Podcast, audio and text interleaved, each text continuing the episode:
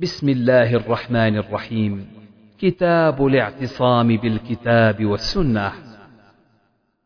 حدثنا الحميدي حدثنا سفيان عن مسعر وغيره عن قيس بن مسلم عن طارق بن شهاب قال قال رجل من اليهود لعمر يا أمير المؤمنين لو أن علينا نزلت هذه الآية اليوم أكملت لكم دينكم وأتممت عليكم نعمتي ورضيت لكم الإسلام دينا لاتخذنا ذلك اليوم عيدا.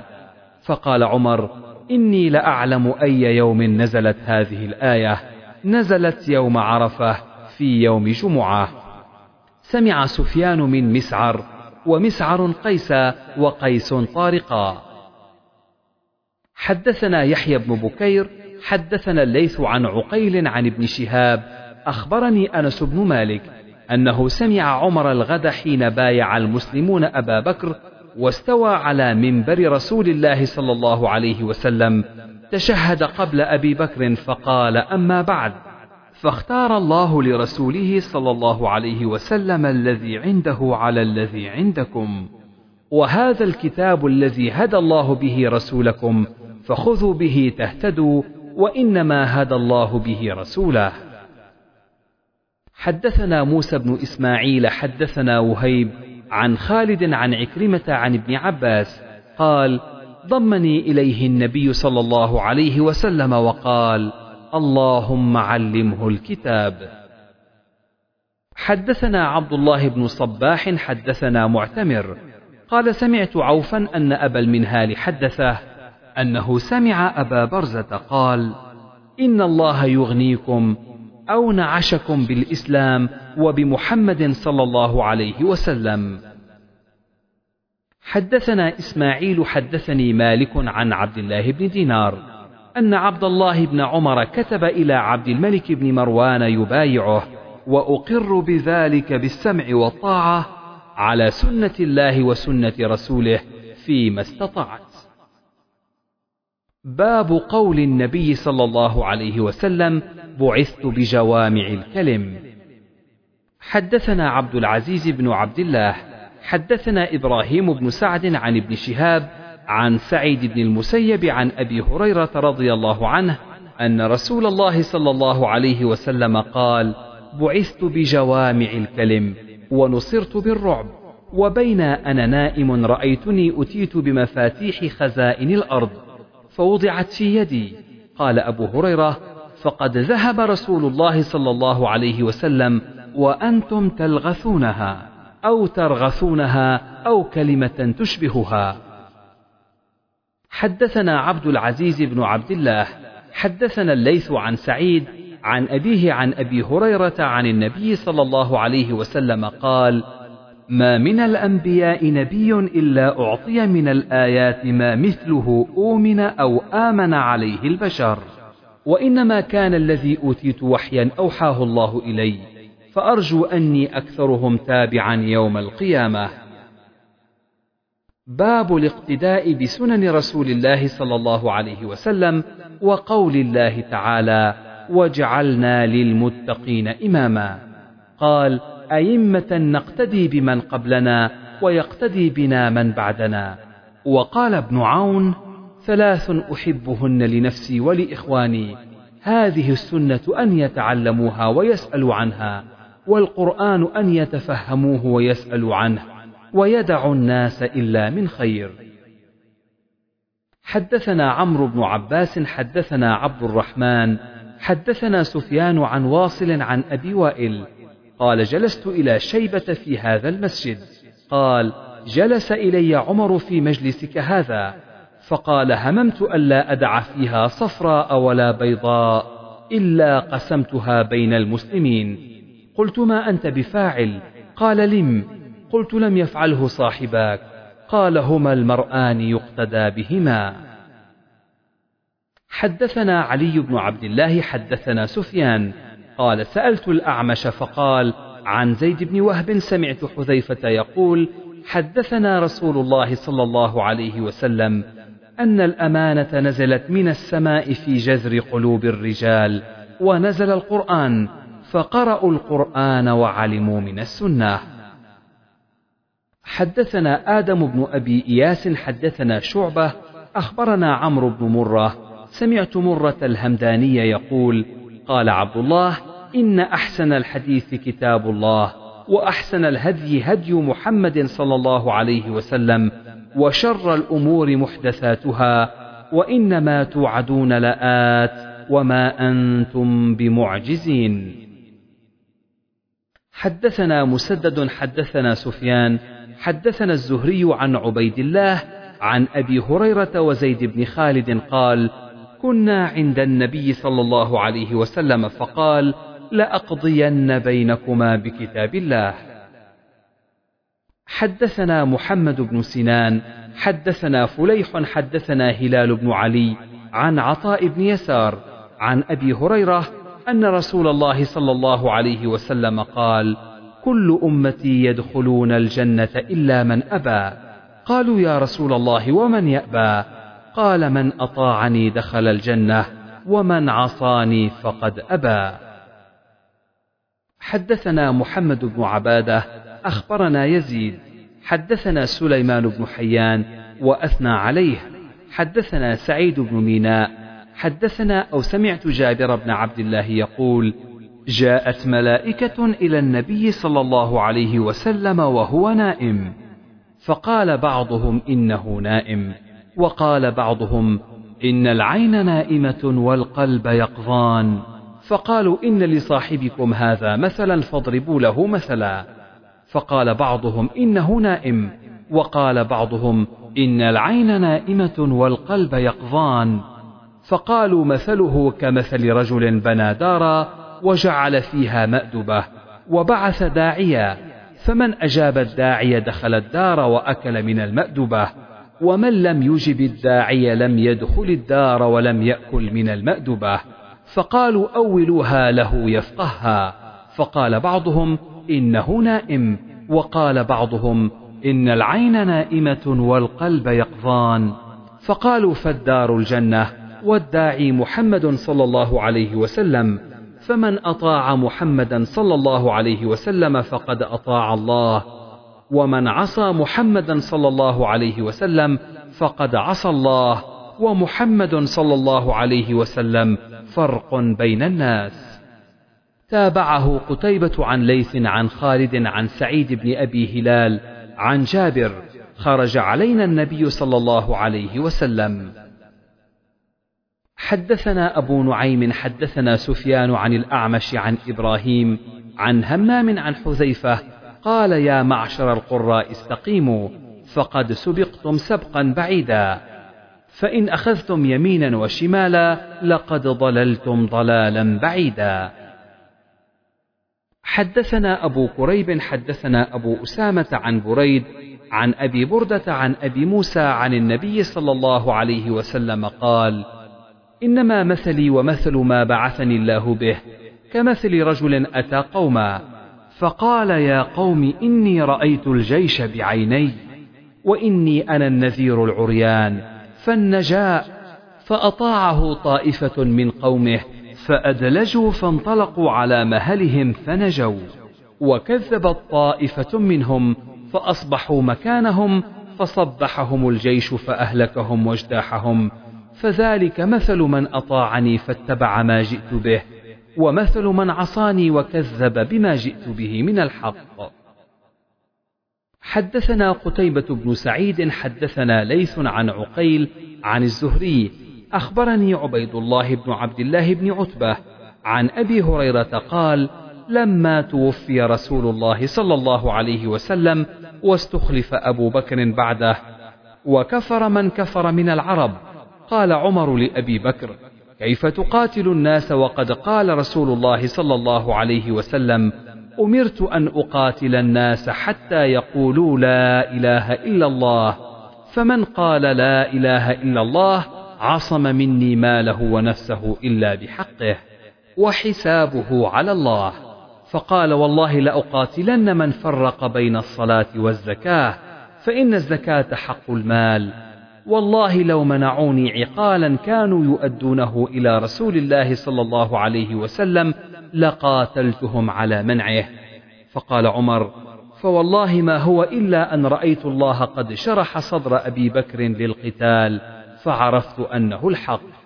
قال ابن بكير وعبد الله عن الليث عناقا وهو أصح. حدثني إسماعيل حدثني ابن وهب عن يونس عن ابن شهاب حدثني عبيد الله بن عبد الله بن عتبة أن عبد الله بن عباس رضي الله عنهما قال قدم عيينة بن حصن بن حذيفة بن بدر فنزل على ابن أخيه الحر بن قيس بن حصن وكان من النفر الذين يدنيهم عمر وكان القراء أصحاب مجلس عمر ومشاورته كهولا كانوا أو شبانا. فقال عيينة لابن أخيه يا ابن أخي هل لك وجه عند هذا الأمير فتستأذن لي عليه؟ قال سأستأذن لك عليه. قال ابن عباس فاستأذن لعيينة. فلما دخل قال يا ابن الخطاب والله ما تعطينا الجزل وما تحكم بيننا بالعدل. فغضب عمر حتى هم بأن يقع به. فقال الحر يا أمير المؤمنين إن الله تعالى قال لنبيه صلى الله عليه وسلم خذ العفو وأمر بالعرف وأعرض عن الجاهلين وإن هذا من الجاهلين. فوالله ما جاوزها عمر حين تلاها عليه وكان وقافا عند كتاب الله. حدثنا عبد الله بن مسلمة عن مالك عن هشام بن عروة عن فاطمة بنت المنذر عن أسماء ابنة أبي بكر رضي الله عنها أنها قالت أتيت عائشة حين خسفت الشمس والناس قيام وهي قائمة تصلي. فقلت ما للناس؟ فأشارت بيدها نحو السماء فقالت سبحان الله. فقلت آية قالت برأسها النعم. فلما انصرف رسول الله صلى الله عليه وسلم حمد الله وأثنى عليه ثم قال ما من شيء لم أره إلا وقد رأيته في مقامي حتى الجنة والنار. وأوحي إلي أنكم تفتنون في القبور قريبا من فتنة الدجال. فأما المؤمن أو المسلم لا أدري أي ذلك قالت أسماء. فيقول محمد جاءنا بالبينات فأجبنا وآمنا. فيقال نم صالحا علمنا أنك موقن. وأما المنافق أو المرتاب لا أدري أي ذلك قالت أسماء. فيقول لا أدري. سمعت الناس يقولون شيئا فقلته. حدثنا إسماعيل حدثني مالك عن أبي الزناد عن الأعرج عن أبي هريرة عن النبي صلى الله عليه وسلم قال دعوني ما تركتكم إنما هلك من كان قبلكم بسؤالهم واختلافهم على أنبيائهم فإذا نهيتكم عن شيء فاجتنبوه وإذا أمرتكم بأمر فأتوا منه ما استطعتم. باب ما يكره من كثرة السؤال وتكلف ما لا يعنيه وقوله تعالى لا تسألوا عن أشياء إن تبد لكم تسؤكم. حدثنا عبد الله بن يزيد المقرئ حدثنا سعيد حدثني عقيل عن ابن شهاب عن عامر بن سعد بن أبي وقاص عن أبيه أن النبي صلى الله عليه وسلم قال إن أعظم المسلمين جرما من سأل عن شيء لم يحرم فحرم من أجل مسألته. حدثنا إسحاق أخبرنا عفان حدثنا وهيب حدثنا موسى بن عقبة. سمعت أبا النضر يحدث عن بسر بن سعيد عن زيد بن ثابت أن النبي صلى الله عليه وسلم اتخذ حجرة في المسجد من حصير. فصلى رسول الله صلى الله عليه وسلم فيها ليالي حتى اجتمع إليه ناس ثم فقدوا صوته ليلة فظنوا أنه قد نام فجعل بعضهم يتنحنح ليخرج إليهم فقال ما زال بكم الذي رأيت من صنيعكم حتى خشيت أن يكتب عليكم ولو كتب عليكم ما قمتم به فصلوا أيها الناس في بيوتكم فإن أفضل صلاة المرء في بيته إلا الصلاة المكتوبة.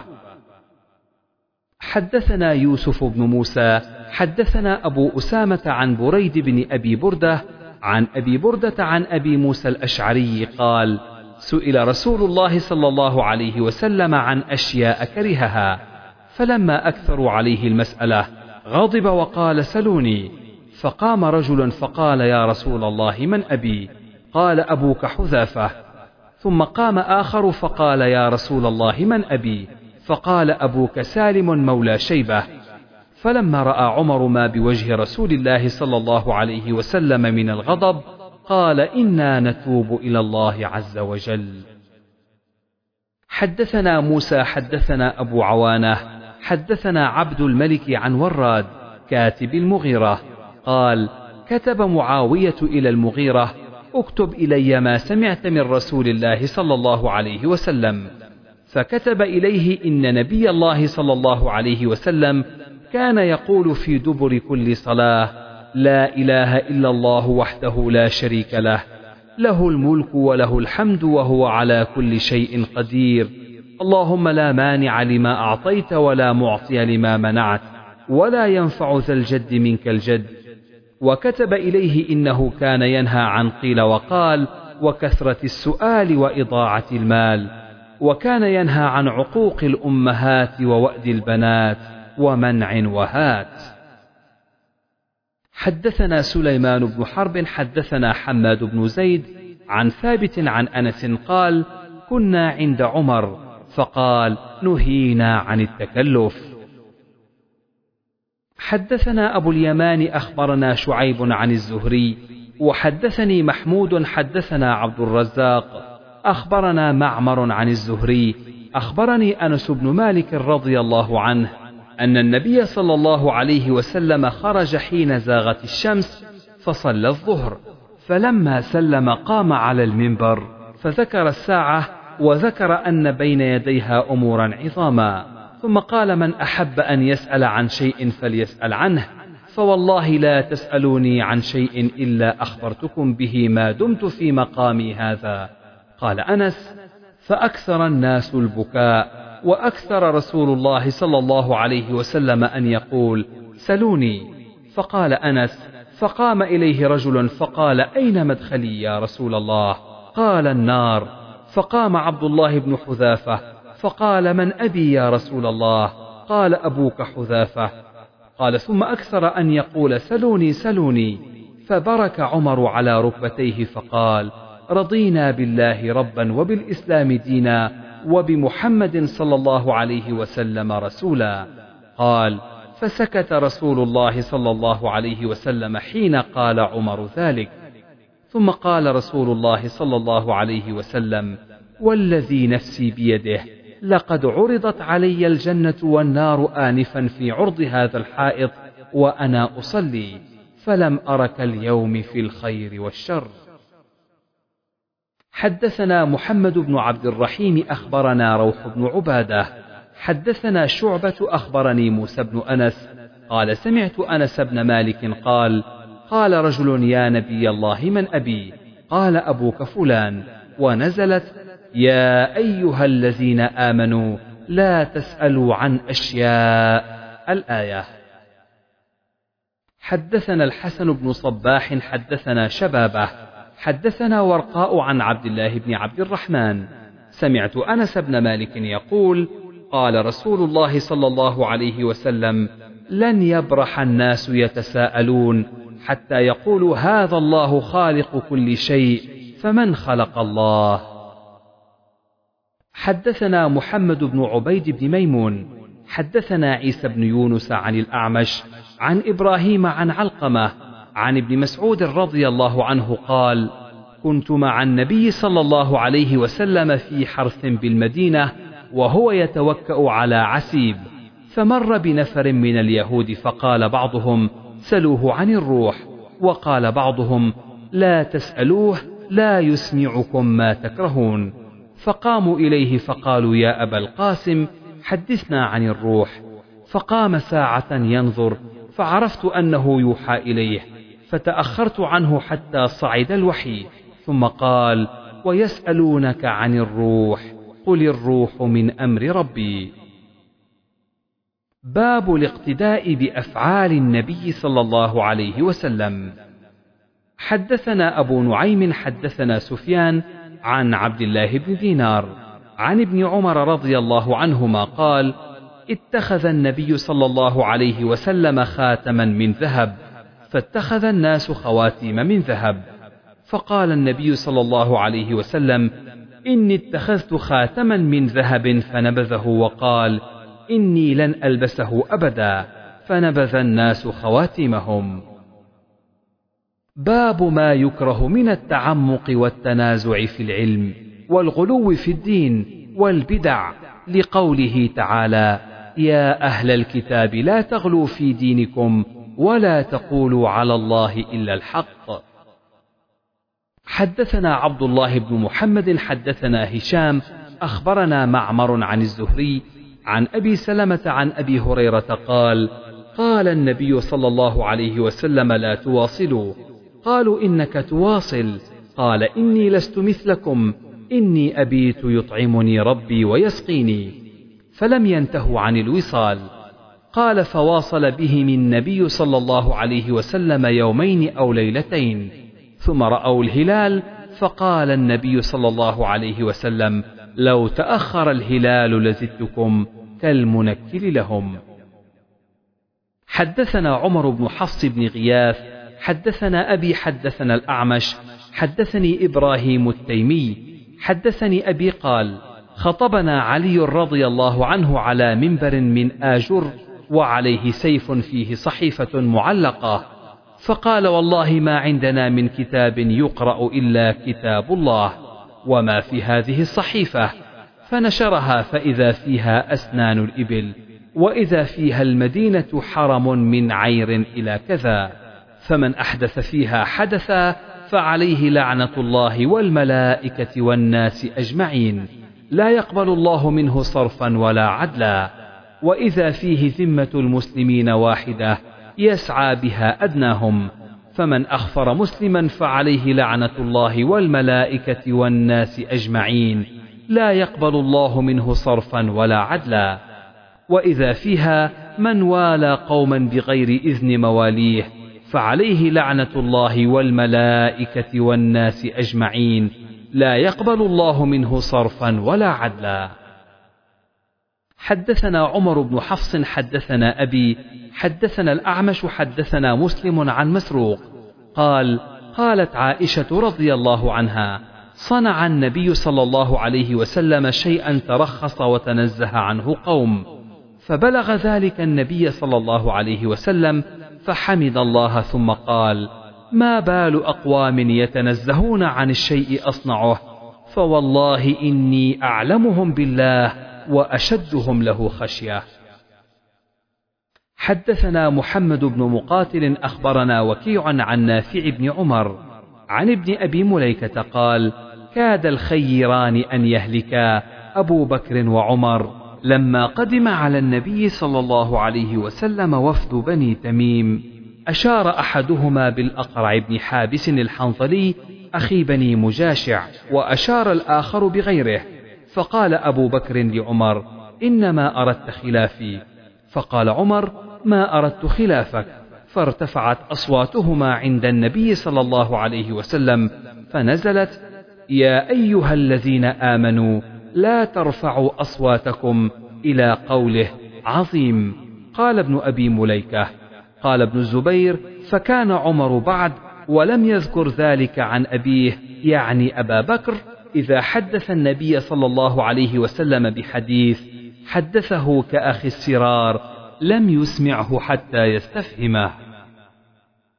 حدثنا إسماعيل حدثني مالك عن هشام بن عروة عن أبيه عن عائشة أم المؤمنين أن رسول الله صلى الله عليه وسلم قال في مرضه مروا أبا بكر يصلي بالناس قالت عائشة قلت إن أبا بكر إذا قام في مقامك لم يسمع الناس من البكاء فمر عمر فليصل فقال مروا أبا بكر فليصلي بالناس فقالت عائشة فقلت لحفصة قولي إن أبا بكر إذا قام في مقامك لم يسمع الناس من البكاء فمر عمر فليصلي بالناس ففعلت حفصة فقال رسول الله صلى الله عليه وسلم إن كن لأنتن صواحب يوسف. مروا أبا بكر فليصلي للناس. فقالت حفصة لعائشة ما كنت لأصيب منك خيرا. حدثنا آدم حدثنا ابن أبي ذئب حدثنا الزهري عن سهل بن سعد الساعدي. قال جاء عويمر إلى عاصم بن عدي فقال أرأيت رجلا وجد مع امرأته رجلا فيقتله أتقتلونه به؟ سلي يا عاصم رسول الله صلى الله عليه وسلم. فسأله فكره النبي صلى الله عليه وسلم المسائل وعاب. فرجع عاصم فأخبره أن النبي صلى الله عليه وسلم كره المسائل. فقال عويمر والله لآتين النبي صلى الله عليه وسلم. فجاء وقد أنزل الله تعالى القرآن خلف عاصم. فقال له قد أنزل الله فيكم قرآنا. فدعا بهما فتقدما فتلاعنا. ثم قال عويمر كذبت عليها يا رسول الله إن أمسكتها. ففارقها ولم يأمره النبي صلى الله عليه وسلم بفراقها فجرت السنة في المتلاعنين. وقال النبي صلى الله عليه وسلم انظروها فإن جاءت به أحمر قصيرا مثل وحره فلا أراه إلا قد كذب. وإن جاءت به أسحم أعين ذا اليتين فلا أحسب إلا قد صدق عليها فجاءت به على الأمر المكروه. حدثنا عبد الله بن يوسف حدثنا الليث حدثني عقيل عن ابن شهاب قال أخبرني مالك بن أوس النصري وكان محمد بن جبير بن مطعم ذكر لي ذكرا من ذلك فدخلت على مالك فسألته فقال انطلقت حتى أدخل على عمر أتاه حاجبه يرفع فقال هل لك في عثمان وعبد الرحمن والزبير وسعد يستأذنون؟ قال نعم. فدخلوا فسلموا وجلسوا فقال هل لك في علي وعباس؟ فأذن لهما. قال العباس يا أمير المؤمنين اقض بيني وبين الظالم استبا فقال الرهط عثمان وأصحابه يا أمير المؤمنين اقض بينهما وأرح أحدهما من الآخر. فقال اتئدوا أنشدكم بالله الذي بإذنه تقوم السماء والأرض. هل تعلمون أن رسول الله صلى الله عليه وسلم قال لا نورث ما تركنا صدقة يريد رسول الله صلى الله عليه وسلم نفسه. قال الرهط قد قال ذلك. فأقبل عمر على علي وعباس فقال أنشدكما بالله. هل تعلمان أن رسول الله صلى الله عليه وسلم قال ذلك؟ قالا نعم. قال عمر فإني محدثكم عن هذا الأمر. إن الله كان خص رسوله صلى الله عليه وسلم في هذا المال بشيء لم يعطه أحدا غيره. فإن الله يقول ما أفاء الله على رسوله منهم فما أوجفتم. الآية فكانت هذه خالصة لرسول الله صلى الله عليه وسلم. ثم والله ما احتازها دونكم ولا استأثر بها عليكم وقد أعطاكموها وبثها فيكم حتى بقي منها هذا المال. وكان النبي صلى الله عليه وسلم ينفق على أهله نفقة سنتهم من هذا المال ثم يأخذ ما بقي فيجعله مجعل مال الله. فعمل النبي صلى الله عليه وسلم بذلك حياته. أنشدكم بالله هل تعلمون ذلك؟ فقالوا نعم. ثم قال لعلي وعباس أنشدكم الله هل تعلمان ذلك؟ قالا نعم. ثم توفى الله نبيه صلى الله عليه وسلم. فقال أبو بكر أنا ولي رسول الله صلى الله عليه وسلم. فقبضها أبو بكر. فعمل فيها بما عمل فيها رسول الله صلى الله عليه وسلم وأنتما حينئذ وأقبل على علي وعباس تزعمان أن أبا بكر فيها كذا والله يعلم أنه فيها صادق بار راشد. تابع للحق. ثم توفى الله أبا بكر فقلت أنا ولي رسول الله صلى الله عليه وسلم وأبي بكر فقبضتها سنتين أعمل فيها بما عمل به رسول الله. صلى الله عليه وسلم وأبو بكر. ثم جئتماني وكلمتكما على كلمة واحدة وأمركما جميع. جئتني تسألني نصيبك من ابن أخيك وأتاني هذا يسألني نصيب امرأته من أبيها. فقلت إن شئتما دفعتها إليكما على أن عليكما عهد الله وميثاقه. تعملان فيها بما عمل به رسول الله صلى الله عليه وسلم وبما عمل فيها أبو بكر وبما عملت فيها منذ وليتها وإلا فلا تكلمان فيها. فقلت ما ادفعها إلينا بذلك فدفعتها إليكما بذلك. أنشدكم بالله هل دفعتها إليهما بذلك؟ قال الرهط نعم. فأقبل على علي وعباس فقال أنشدكما بالله هل دفعتها إليكما بذلك؟ قال نعم. قال أفتلتمسان مني قضاء غير ذلك؟ فوالذي بإذنه تقوم السماء والأرض لا أقضي فيها قضاء غير ذلك حتى تقوم الساعة فإن عجزتما عنها فادفعاها إلي فأنا أكفيكماها. باب إثم من آوى محدثا رواه علي عن النبي صلى الله عليه وسلم.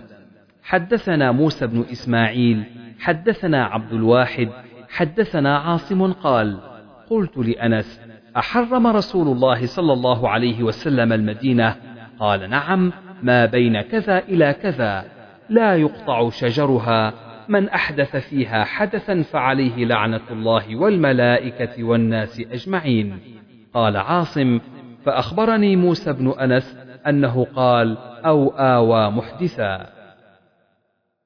باب ما يذكر من ذم الرأي وتكلف القياس ولا تقف لا تقل. ما ليس لك به علم. حدثنا سعيد بن تليد حدثني ابن وهب حدثني عبد الرحمن بن شريح وغيره عن أبي الأسود عن عروة قال حج علينا عبد الله بن عمرو فسمعته يقول سمعت النبي صلى الله عليه وسلم يقول إن الله لا ينزع العلم بعد أن أعطاهموه انتزاعا ولكن ينتزعه منهم مع قبض العلماء بعلمهم. فيبقى ناس جهال يستفتون فيفتون برأيهم فيضلون ويضلون. فحدثت عائشة زوج النبي صلى الله عليه وسلم ثم إن عبد الله بن عمرو حج بعد فقالت يا ابن أختي انطلق إلى عبد الله فاستثبت لي منه الذي حدثتني عنه. فجئته فسألته فحدثني به كنحو ما حدثني.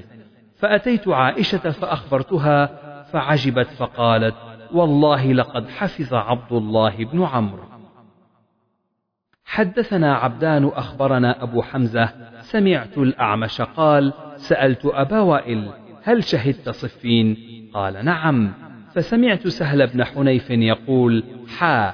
وحدثنا موسى بن إسماعيل حدثنا أبو عوانة عن الأعمش عن أبي وائل قال قال سهل بن حنيف يا أيها الناس اتهموا رأيكم على دينكم. لقد رأيتني يوم أبي جندل ولو أستطيع أن أرد أمر رسول الله صلى الله عليه وسلم لرددته. وما وضعنا سيوفنا على عواتقنا إلى أمر يفضعنا إلا أسهلن بنا إلى أمر نعرفه غير هذا الأمر. قال وقال أبو وائل شهدت صفين وبئست صفون باب ما كان النبي صلى الله عليه وسلم يسأل مما لم ينزل عليه الوحي. فيقول لا أدري أو لم يجب حتى ينزل عليه الوحي. ولم يقل برأي ولا بقياس لقوله تعالى بما أراك الله. وقال ابن مسعود سئل النبي صلى الله عليه وسلم عن الروح فسكت حتى نزلت. حدثنا علي بن عبد الله حدثنا سفيان قال سمعت ابن المنكدر يقول سمعت جابر بن عبد الله يقول مرضت فجاءني رسول الله صلى الله عليه وسلم يعودني وأبو بكر وهما ماشيان فأتاني وقد أغمي علي فتوضأ رسول الله صلى الله عليه وسلم ثم صب وضوءه علي فأفقت فقلت يا رسول الله وربما قال سفيان فقلت أي رسول الله كيف أقضي في مالي كيف أصنع في مالي؟ قال فما أجابني بشيء حتى نزلت آية الميراث. باب تعليم النبي صلى الله عليه وسلم أمته من الرجال والنساء مما علمه الله ليس برأي ولا تمثيل.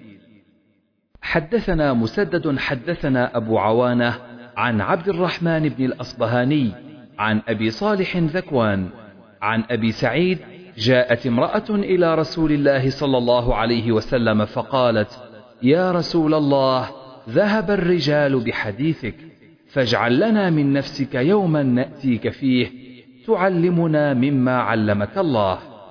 فقال اجتمعنا في يوم كذا وكذا في مكان كذا وكذا. فاجتمعن فأتاهن رسول الله صلى الله عليه وسلم فعلمهن مما علمه الله ثم قال ما منكن امرأة تقدم بين يديها من ولدها ثلاثة إلا كان لها حجابا من النار. فقالت امرأة منهن يا رسول الله اثنين. قال فأعادتها مرتين ثم قال واثنين واثنين واثنين. باب قول النبي صلى الله عليه وسلم لا تزال طائفة من أمتي ظاهرين على الحق يقاتلون وهم أهل العلم. حدثنا عبيد الله بن موسى عن إسماعيل عن قيس عن المغيرة بن شعبة عن النبي صلى الله عليه وسلم قال لا يزال طائفة من أمتي ظاهرين حتى يأتيهم أمر الله وهم ظاهرون. حدثنا إسماعيل حدثنا ابن وهب عن يونس عن ابن شهاب أخبرني حميد قال سمعت معاوية بن أبي سفيان يخطب قال سمعت النبي صلى الله عليه وسلم يقول من يرد الله به خيرا يفقهه في الدين وإنما أنا قاسم ويعطي الله ولن يزال أمر هذه الأمة مستقيما حتى تقوم الساعة أو حتى يأتي أمر الله. باب قول الله تعالى أو يلبسكم شيعا. حدثنا علي بن عبد الله حدثنا سفيان. قال عمرو سمعت جابر بن عبد الله رضي الله عنهما يقول لما نزل على رسول الله صلى الله عليه وسلم قل هو القادر على أن يبعث عليكم عذابا من فوقكم. قال أعوذ بوجهك أو من تحت أرجلكم. قال أعوذ بوجهك فلما نزلت أو يلبسكم شيعا ويذيق بعضكم بأس بعض قال هاتان أهون أو أيسر. باب من شبه أصلا معلوما بأصل مبين قد بين الله حكمهما ليفهم السائل. حدثنا أصبغ بن الفرج حدثني ابن وهب عن يونس عن ابن شهاب عن أبي سلمة بن عبد الرحمن عن أبي هريرة أن أعرابيا أتى رسول الله صلى الله عليه وسلم فقال إن امرأتي ولدت غلاما أسود وإني أنكرته. فقال له رسول الله صلى الله عليه وسلم هل لك من إبل؟ قال نعم. قال فما ألوانها؟ قال حمر. قال هل فيها من أورق؟ قال إن فيها لورقا. قال فأنا ترى ذلك جاءها؟ قال يا رسول الله عرق نزعها. قال ولعل هذا عرق نزعه ولم يرخص له في الانتفاء منه. حدثنا مسدد حدثنا أبو عوانة عن أبي بشر عن سعيد بن جبير عن ابن عباس أن امرأة جاءت إلى النبي صلى الله عليه وسلم فقالت إن أمي نذرت أن تحج فماتت قبل أن تحج أفأحج عنها؟ قال نعم حجي عنها. أرأيت لو كان على أمك دين أكنت قاضيته؟ قالت نعم.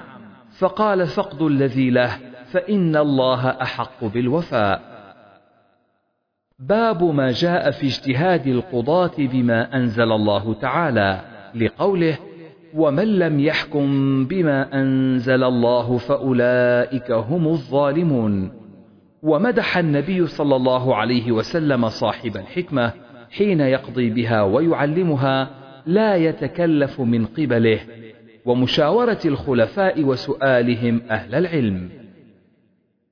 حدثنا شهاب بن عباد حدثنا إبراهيم بن حميد عن إسماعيل عن قيس عن عبد الله قال قال رسول الله صلى الله عليه وسلم لا حسد إلا في اثنتين رجل آتاه الله مالا فسلط على هلكته في الحق.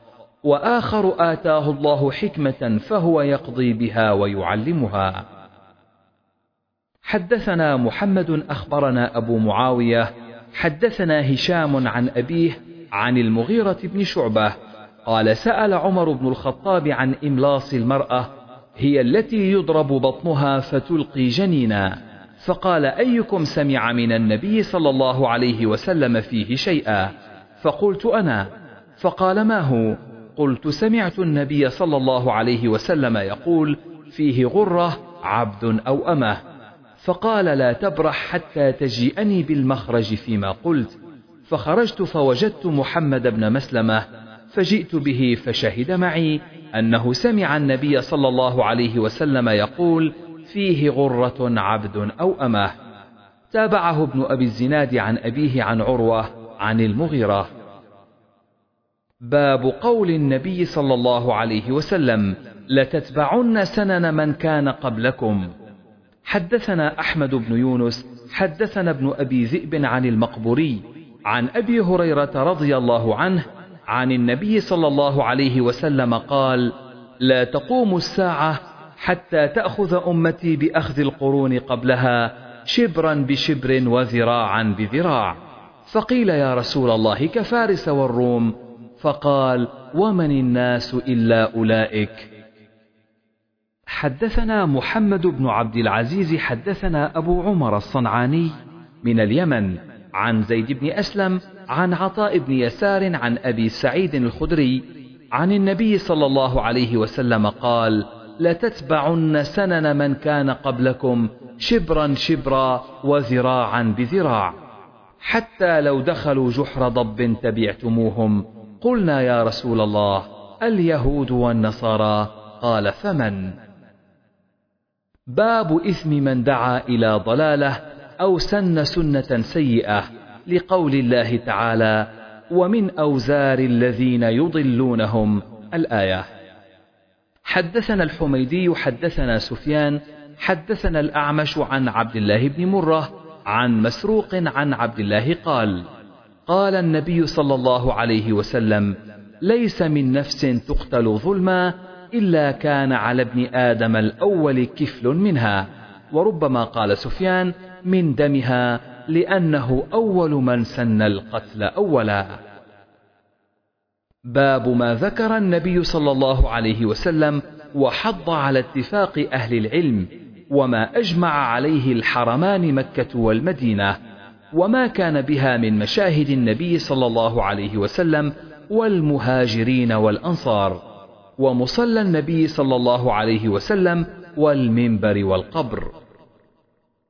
حدثنا إسماعيل حدثني مالك عن محمد بن المنكدر عن جابر بن عبد الله السلمي أن أعرابيا بايع رسول الله صلى الله عليه وسلم على الإسلام فأصاب الأعرابي وعك بالمدينة.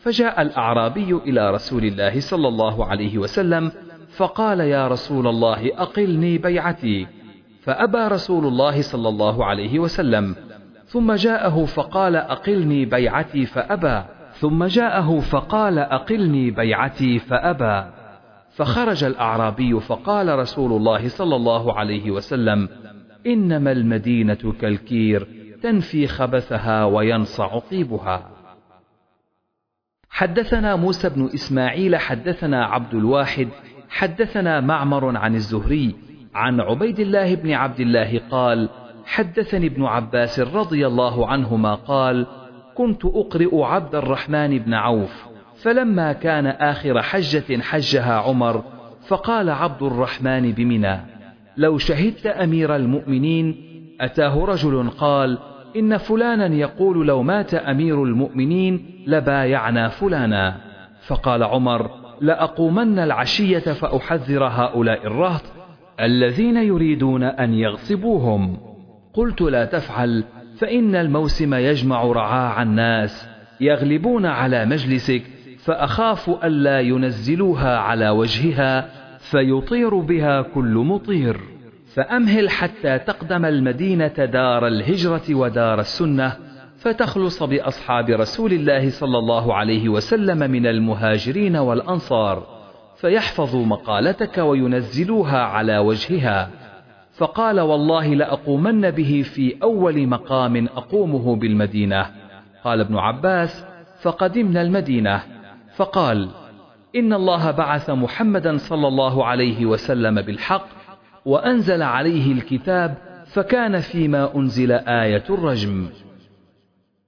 حدثنا سليمان بن حرب حدثنا حماد عن أيوب عن محمد قال كنا عند أبي هريرة وعليه ثوبان ممشقان من كتان فتمخط فقال بخ بخ أبو هريرة يتمخط في الكتان لقد رأيتني وإني لأخر فيما بين منبر رسول الله صلى الله عليه وسلم إلى حجرة عائشة مغشيا علي فيجيء الجائي فيضع رجله على عنقي ويرى أني مجنون وما بي من جنون ما بي إلا الجوع. حدثنا محمد بن كثير أخبرنا سفيان عن عبد الرحمن بن عابس قال سئل ابن عباس أشهدت العيد مع النبي صلى الله عليه وسلم؟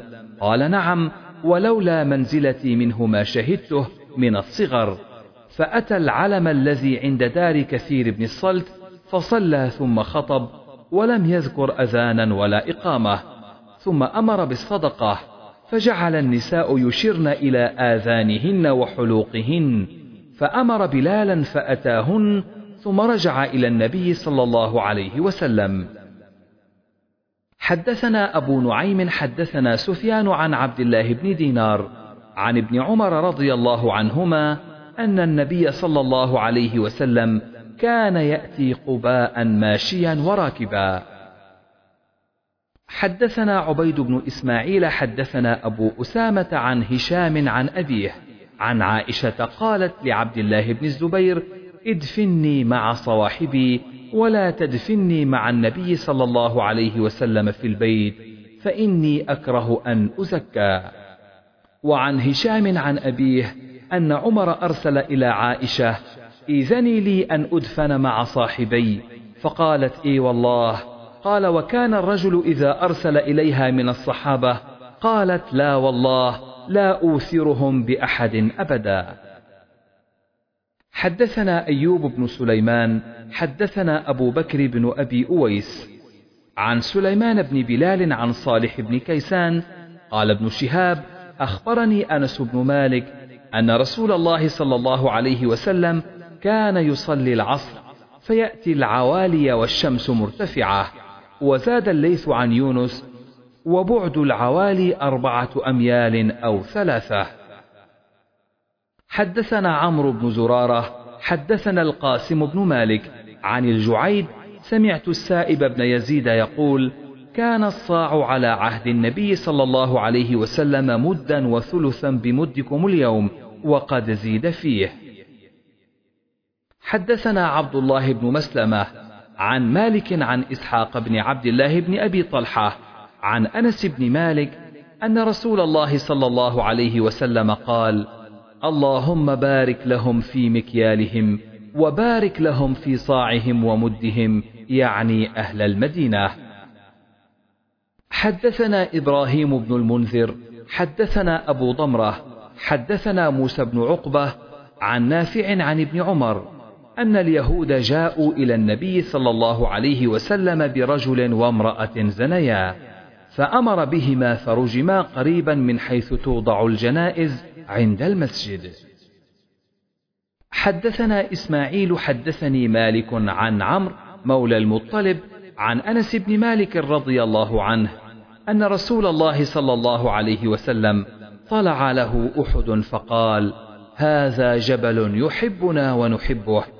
اللهم إن إبراهيم حرم مكة وإني أحرم ما بين لابتيها.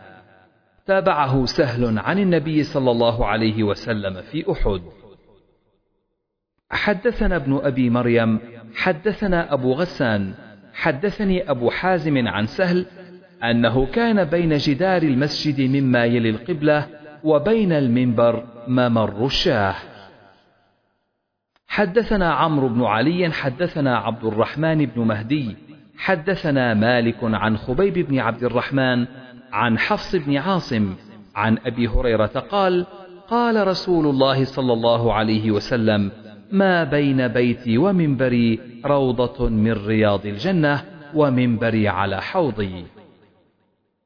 حدثنا موسى بن إسماعيل حدثنا جويرية عن نافع عن عبد الله قال سابق النبي صلى الله عليه وسلم بين الخيل فأرسلت التي ضمرت منها وأمدها إلى الحفياء إلى ثنية الوداع والتي لم تضمر أمدها ثنية الوداع إلى مسجد بني زريق.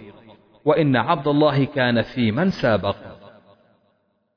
حدثنا قتيبة عن ليث عن نافع عن ابن عمر حا وحدثني إسحاق أخبرنا عيسى وابن إدريس وابن أبي غنية عن أبي حيان عن الشعبي عن ابن عمر رضي الله عنهما قال سمعت عمر على منبر النبي صلى الله عليه وسلم. حدثنا أبو اليمان أخبرنا شعيب عن الزهري أخبرني السائب بن يزيد سمع عثمان بن عفان خطبنا على منبر النبي صلى الله عليه وسلم. حدثنا محمد بن بشار حدثنا عبد الأعلى حدثنا هشام بن حسان أن هشام بن عروة حدثه عن أبيه أن عائشة قالت كان يوضع لي ولرسول الله صلى الله عليه وسلم هذا المركن فنشرع فيه جميعا. حدثنا مسدد حدثنا عباد بن عباد حدثنا عاصم الأحول عن أنس قال حالف النبي صلى الله عليه وسلم بين الأنصار وقريش في دار التي بالمدينة. وقنت شهرا يدعو على أحياء من بني سليم. حدثني أبو كريب حدثنا أبو أسامة حدثنا بريد عن أبي بردة قال قدمت المدينة فلقيني عبد الله بن سلام.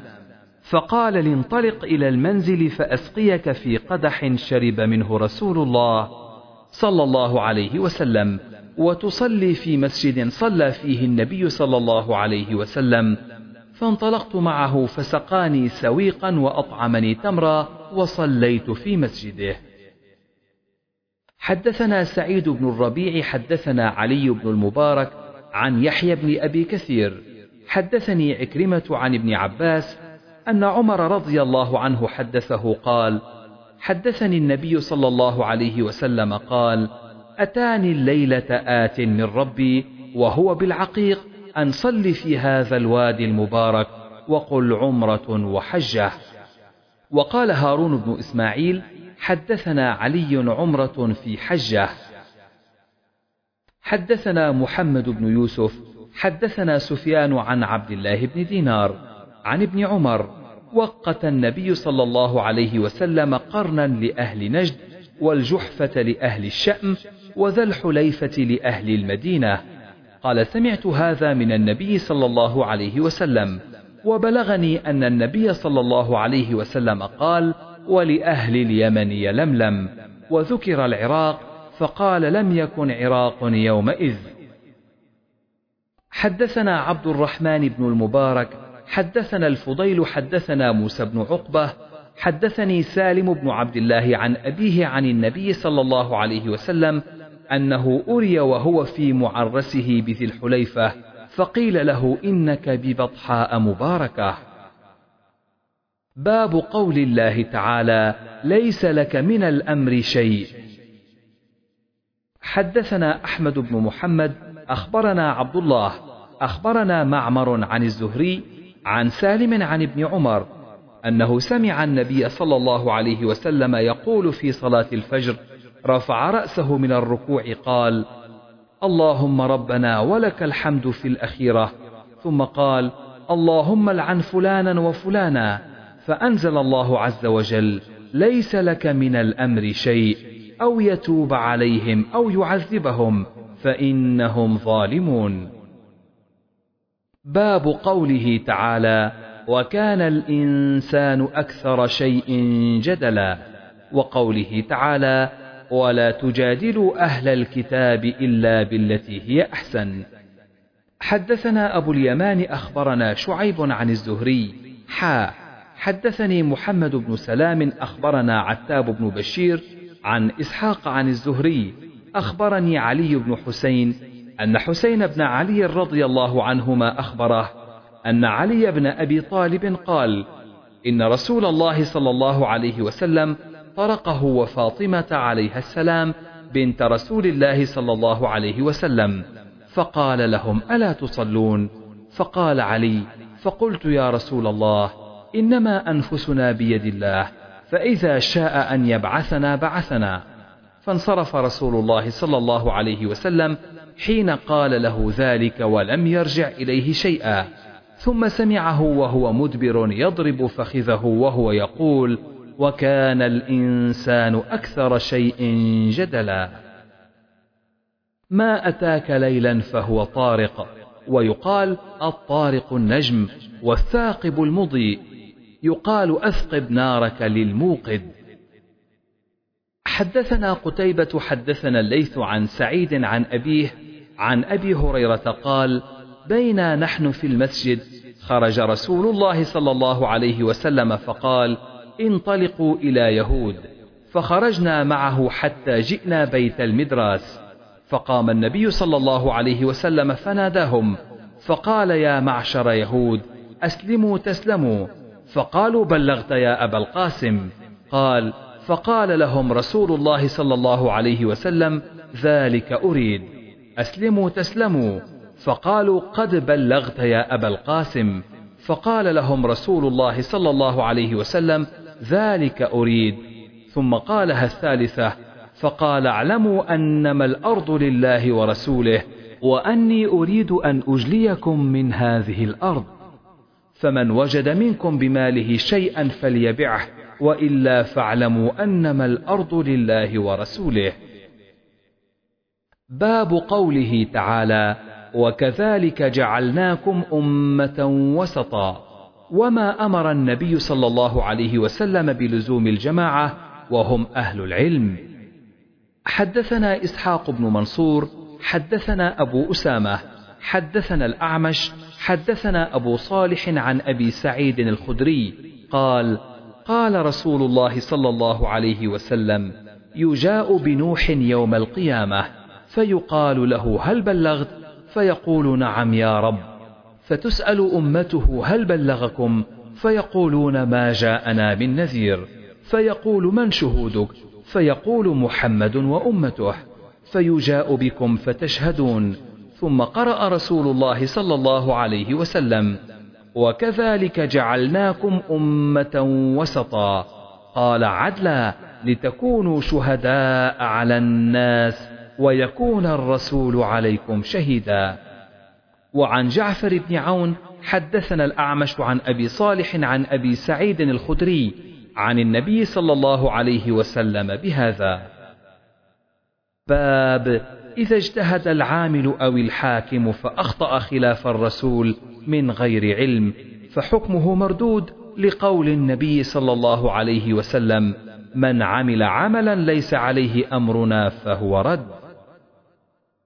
حدثنا إسماعيل عن أخيه عن سليمان بن بلال عن عبد المجيد بن سهيل بن عبد الرحمن بن عوف أنه سمع سعيد بن المسيب يحدث أن أبا سعيد الخدري وأبا هريرة حدثاه أن رسول الله صلى الله عليه وسلم بعث أخا بني عدي الأنصاري واستعمله على خيبر فقدم بتمر جنيب فقال له رسول الله صلى الله عليه وسلم أكل تمر خيبر هكذا؟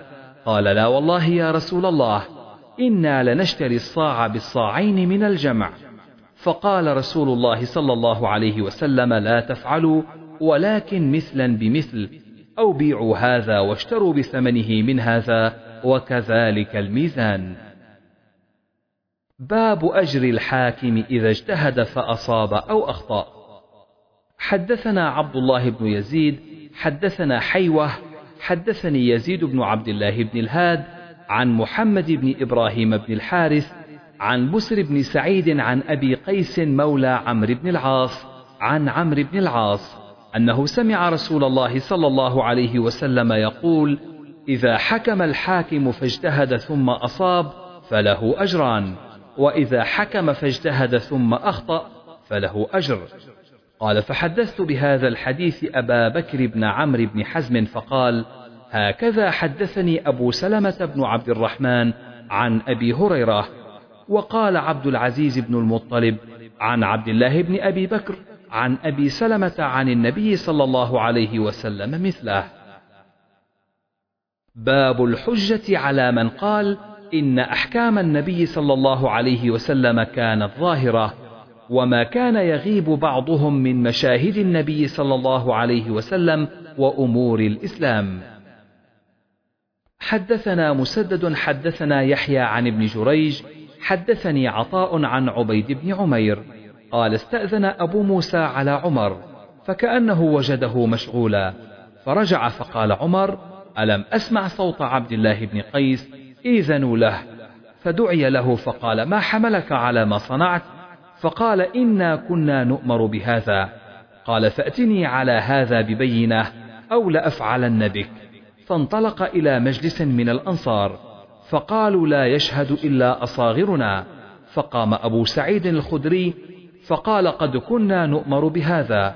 فقال عمر خفي علي هذا من أمر النبي صلى الله عليه وسلم. ألهاني الصفق بالأسواق. حدثنا علي حدثنا سفيان حدثني الزهري أنه سمعه من الأعرج يقول أخبرني أبو هريرة قال إنكم تزعمون أن أبا هريرة يكثر الحديث على رسول الله صلى الله عليه وسلم. والله الموعد. إني كنت امرأ مسكينا ألزم رسول الله صلى الله عليه وسلم على ملء بطني. وكان المهاجرون يشغلهم الصفق بالأسواق. وكانت الأنصار يشغلهم القيام على أموالهم فشهدت من رسول الله صلى الله عليه وسلم ذات يوم وقال من يبسط رداءه حتى أقضي مقالتي ثم يقبضه فلن ينسى شيئا سمعه مني فبسطت بردة كانت علي فوالذي بعثه بالحق ما نسيت شيئا سمعته منه. باب من رأى ترك النكير من النبي صلى الله عليه وسلم حجة لا من غير الرسول.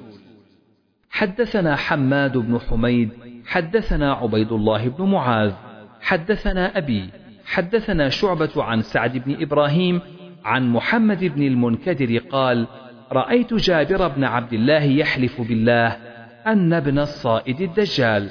قلت تحلف بالله؟ قال إني سمعت عمر يحلف على ذلك عند النبي صلى الله عليه وسلم فلم ينكره النبي صلى الله عليه وسلم. باب الأحكام التي تعرف بالدلائل وكيف معنى الدلالة وتفسيرها. وقد أخبر النبي صلى الله عليه وسلم أمر الخيل وغيرها ثم سئل عن الحمر فدلهم على قوله تعالى فمن يعمل مثقال ذرة خيرا يره. وسئل النبي صلى الله عليه وسلم عن الضب فقال لا آكله ولا أحرمه. وأكل على مائدة النبي صلى الله عليه وسلم الضب. فاستدل ابن عباس بأنه ليس بحرام. حدثنا إسماعيل حدثني مالك عن زيد بن أسلم عن أبي صالح السمان عن أبي هريرة رضي الله عنه أن رسول الله صلى الله عليه وسلم قال الخيل لثلاثة لرجل أجر ولرجل ستر وعلى رجل وزر. فأما الذي له أجر فرجل ربطها في سبيل الله فأطال في مرج أو روضة. فما أصابت في طيلها ذلك المرج والروضة كان له حسنات. ولو أنها قطعت طيلها فاستنت شرفا أو شرفين كانت آثارها وأرواثها حسنات له. ولو أنها مرت بنهر فشربت منه ولم يرد أن يسقي به كان ذلك حسنات له. وهي لذلك الرجل أجر. ورجل ربطها تغنيا وتعففا ولم ينس حق الله في رقابها ولا ظهورها فهي له ستر. ورجل ربطها فخرا ورياء فهي على ذلك وزر.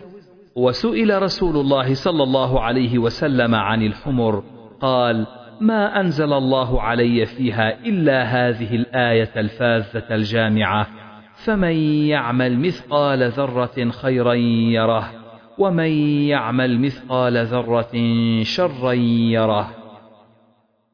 حدثنا يحيى حدثنا ابن عيينة عن منصور بن صفية عن أمه عن عائشة أن امرأة سألت النبي صلى الله عليه وسلم حدثنا محمد هو ابن عقبة حدثنا الفضيل بن سليمان النميري البصري حدثنا منصور بن عبد الرحمن بن شيبة حدثتني أمي عن عائشة رضي الله عنها أن امرأة سألت النبي صلى الله عليه وسلم عن الحيض كيف تغتسل منه؟ قال تأخذين فرصة ممسكة فتوضئين بها. قالت كيف أتوضأ بها يا رسول الله؟ قال النبي صلى الله عليه وسلم توضئي. قالت كيف أتوضأ بها يا رسول الله؟ قال النبي صلى الله عليه وسلم توضئين بها. قالت عائشة فعرفت الذي يريد رسول الله صلى الله عليه وسلم فجذبتها إلي فعلمتها. حدثنا موسى بن إسماعيل حدثنا أبو عوانة عن أبي بشر عن سعيد بن جبير عن ابن عباس أن أم حفيد بنت الحارث بن حزن أهدت إلى النبي صلى الله عليه وسلم سمنا وأقطا وأضبا فدعا بهن النبي صلى الله عليه وسلم فأكلن على مائدته فتركهن النبي صلى الله عليه وسلم كالمتقذر له. ولو كن حراما ما أكلن على مائدته ولا أمر بأكلهن. حدثنا أحمد بن صالح حدثنا ابن وهب أخبرني يونس عن ابن شهاب أخبرني عطاء بن أبي رباح عن جابر بن عبد الله قال قال النبي صلى الله عليه وسلم من أكل ثوما أو بصلا فليعتزلنا أو ليعتزل مسجدنا وليقعد في بيته وإنه أتي ببدر قال ابن وهب يعني طبقا فيه خضرات من بقول. فوجد لها ريحا فسأل عنها فأخبر بما فيها من البقول. فقال قربوها فقربوها إلى بعض أصحابه كان معه فلما رآه كره أكلها. قال كل فإني أناجي من لا تناجي. وقال ابن عفير عن ابن وهب بقدر فيه خضرات ولم يذكر الليث وأبو صفوان عن يونس قصة القدر فلا أدري هو من قول الزهري أو في الحديث. حدثني عبيد الله بن سعد بن إبراهيم حدثنا أبي وعمي قالا حدثنا أبي عن أبيه أخبرني محمد بن جبير أن أباه جبير بن مطعم أخبره أن امرأة أتت رسول الله صلى الله عليه وسلم فكلمته في شيء فأمرها بأمر. فقالت أرأيت يا رسول الله إن لم أجدك قال إن لم تجديني فأتي أبا بكر. زاد الحميدي عن إبراهيم بن سعد كأنها تعني الموت. بسم الله الرحمن الرحيم. باب قول النبي صلى الله عليه وسلم لا تسألوا أهل الكتاب عن شيء. وقال أبو اليمان أخبرنا شعيب عن الزهري أخبرني حميد بن عبد الرحمن سمع معاوية يحدث رهطا من قريش بالمدينة وذكر كعب الأحبار فقال إن كان من أصدق هؤلاء المحدثين الذين يحدثون عن أهل الكتاب وإن كنا مع ذلك لنبلو عليه الكذب. حدثني محمد بن بشار حدثنا عثمان بن عمر. أخبرنا علي بن المبارك عن يحيى بن أبي كثير عن أبي سلمة عن أبي هريرة قال كان أهل الكتاب يقرؤون التوراة بالعبرانية ويفسرونها بالعربية لأهل الإسلام. فقال رسول الله صلى الله عليه وسلم لا تصدقوا أهل الكتاب ولا تكذبوهم وقولوا آمنا بالله وما أنزل إلينا وما أنزل إليكم. الآية. حدثنا موسى بن إسماعيل حدثنا إبراهيم أخبرنا ابن شهاب عن عبيد الله أن ابن عباس رضي الله عنهما قال كيف تسألون أهل الكتاب عن شيء وكتابكم الذي أنزل على رسول الله صلى الله عليه وسلم أحدث؟ تقرؤونه محضا لم يشب. وقد حدثكم أن أهل الكتاب بدلوا كتاب الله وغيروه وكتبوا بأيديهم الكتاب وقالوا هو من عند الله ليشتروا به ثمنا قليلا. ألا ينهاكم ما جاءكم من العلم عن مسألتهم؟ لا والله ما رأينا منهم رجلا يسألكم عن الذي أنزل عليكم. باب كراهية الخلاف. حدثنا إسحاق أخبرنا عبد الرحمن بن مهدي عن سلام بن أبي مطيع عن أبي عمران الجوني عن جندب بن عبد الله قال قال رسول الله صلى الله عليه وسلم اقرأوا القرآن ما ائتلفت قلوبكم فإذا اختلفتم فقوموا عنه. حدثنا إسحاق أخبرنا عبد الصمد حدثنا همام حدثنا أبو عمران الجوني عن جندب بن عبد الله أن رسول الله صلى الله عليه وسلم قال اقرأوا القرآن ما ائتلفت عليه قلوبكم فإذا اختلفتم فقوموا عنه. وقال يزيد بن هارون عن هارون الأعور حدثنا أبو عمران عن جندب عن النبي صلى الله عليه وسلم.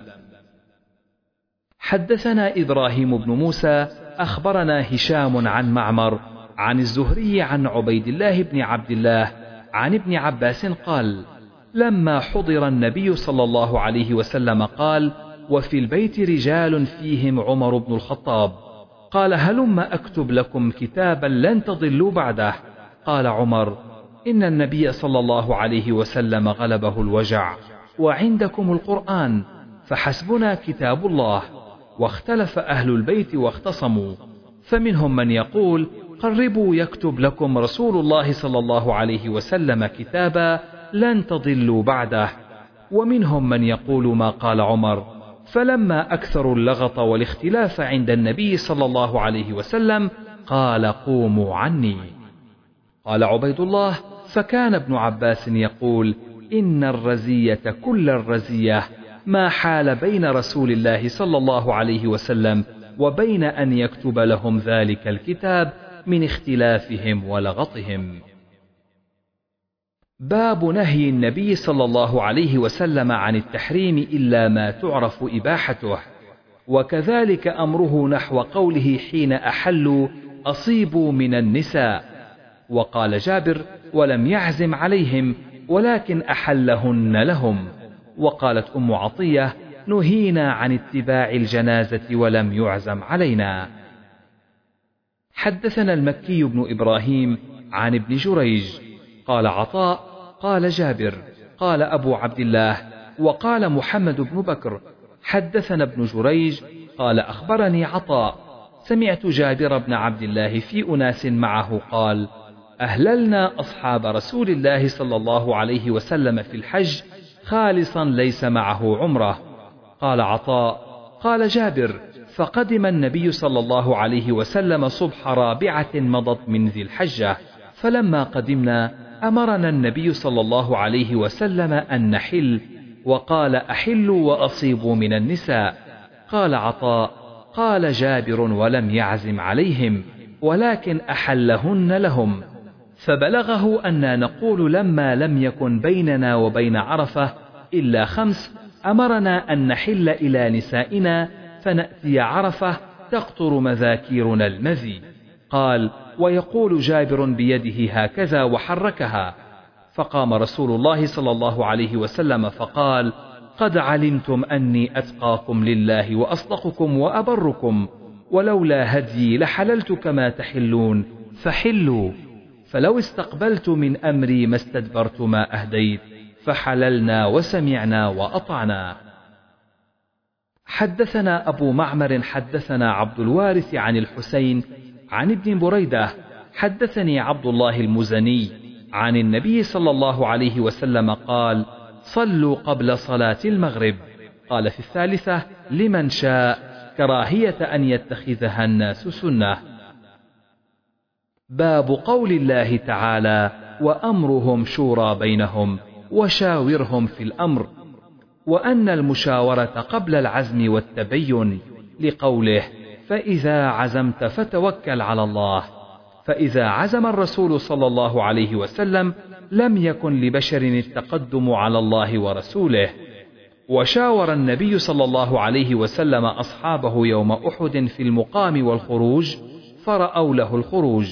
فلما لبس لأمته وعزم قالوا أقم فلم يمل إليهم بعد العزم. وقال لا ينبغي لنبي يلبس لأمته فيضعها حتى يحكم الله. وشاور عليا وأسامة فيما رمى أهل الإفك عائشة فسمع منهما حتى نزل القرآن فجلد الرامين ولم يلتفت إلى تنازعهم. ولكن حكم بما أمره الله. وكانت الأئمة بعد النبي صلى الله عليه وسلم يستشيرون الأمناء من أهل العلم في الأمور المباحة ليأخذوا بأسهلها فإذا وضح الكتاب أو السنة لم يتعدوه إلى غيره اقتداء بالنبي صلى الله عليه وسلم. ورأى أبو بكر قتال من منع الزكاة فقال عمر كيف تقاتل وقد قال رسول الله صلى الله عليه وسلم أمرت أن أقاتل الناس حتى يقولوا لا إله إلا الله. فإذا قالوا لا إله إلا الله عصموا مني دماءهم وأموالهم إلا بحقها. فقال أبو بكر والله لأقاتلن من فرق بين ما جمع رسول الله صلى الله عليه وسلم ثم تابعه بعد عمر. فلم يلتفت أبو بكر إلى مشورة إذ كان عنده حكم رسول الله صلى الله عليه وسلم في الذين فرقوا بين الصلاة والزكاة وأرادوا تبديل الدين وأحكامه. قال النبي صلى الله عليه وسلم من بدل دينه فاقتلوه. وكان القراء أصحاب مشورة عمر كهولا كانوا أو شبانا وكان وقافا عند كتاب الله عز وجل. حدثنا الأويسي حدثنا إبراهيم عن صالح عن ابن شهاب. حدثني عروة وابن المسيب وعلقمة بن وقاص وعبيد الله عن عائشة رضي الله عنها حين قال لها أهل الإفك. قالت ودعا رسول الله صلى الله عليه وسلم علي بن أبي طالب وأسامة بن زيد حين استلبث الوحي يسألهما وهو يستشيرهما في فراق أهله. فأما أسامة فأشار بالذي يعلم من براءة أهله وأما علي فقال لم يضيق الله عليك والنساء سواها كثير. وسل الجارية تصدقك فقال هل رأيت من شيء يريبك؟ قالت ما رأيت أمرا أكثر من أنها جارية حديثة السن تنام عن عجين أهلها فتأتي الداجن فتأكله. فقام على المنبر فقال يا معشر المسلمين من يعذرني من رجل بلغني أذاه في أهلي؟ والله ما علمت على أهلي إلا خيرا. فذكر براءة عائشة وقال أبو أسامة عن هشام. حدثني محمد بن حرب حدثنا يحيى بن أبي زكريا الغساني عن هشام عن عروة عن عائشة أن رسول الله صلى الله عليه وسلم خطب الناس فحمد الله وأثنى عليه وقال ما تشيرون علي في قوم يسبون أهلي ما علمت عليهم من سوء قط. وعن عروة قال لما أخبرت عائشة بالأمر قالت يا رسول الله أتأذن لي أن أنطلق إلى أهلي؟ فأذن لها وأرسل معها الغلام. وقال رجل من الأنصار سبحانك ما يكون لنا أن نتكلم بهذا. سبحانك هذا بهتان عظيم.